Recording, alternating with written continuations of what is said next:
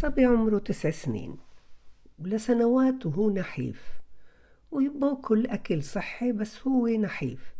الآن بهاي المرحلة العمرية صار يسأل إيش بغذي أكتر إيش بقوي أكتر إيه ليش لازم آكل هاد؟ صار يتعلم عن التغذية بشكل كتير موسع وبكتير بإهتمام وصار يطلب الطعام الصحي وبعد هذا صار عصبي ولما منلح عليه بالأكل بزيد عصبيته طب إحنا انبسطنا إنه الصبي صار يحب التغذية وصار يحب العلوم عن التغذية وصار يحب أكل الصحي.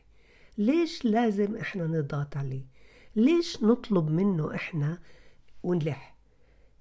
اولا الأكل هو حاجة طبيعية تلقائية للجسم.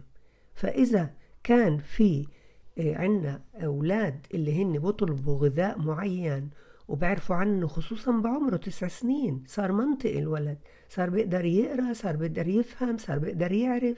فبدي أترجاكم وقفوا الألحاح وقفوا تتدخلوا وقفوا تكونوا أنتوا وكلاء عليه بالأكل.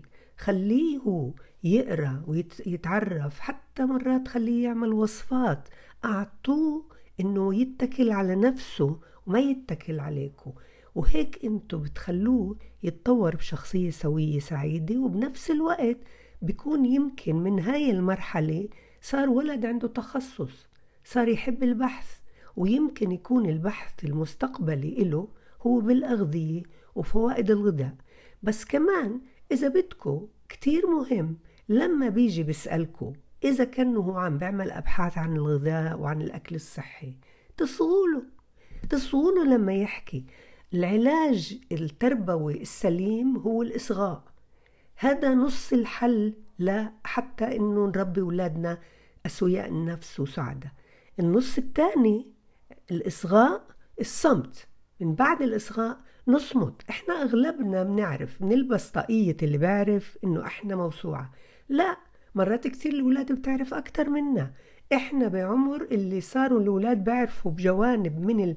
الإنترنت ومن وسائل التواصل أكتر من الكبار. فأركنوا عليه وخليه هو يعمل الأبحاث تبعته وما تتدخلوا. وحتى لما بيحكي اصغوا اصمتوا وإذا لقيتوا في معلومة من المعلومات جاب لكم إياها.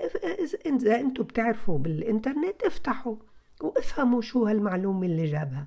أما أعطوه هو يقود آه، غذائه ويعتمد على نفسه بهذا العمر صار بيقدر إنه هو يحضر وجباته لأنه بفهم بالأكل الصحي وحابب الأكل الصحي.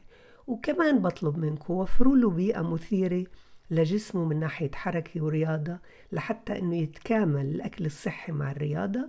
وطبعا رياضة عقل وعاطفة إنه إذا عنده هواي إذا عنده موهبة إذا بحب يساعد يشارك هذا كتير مهم.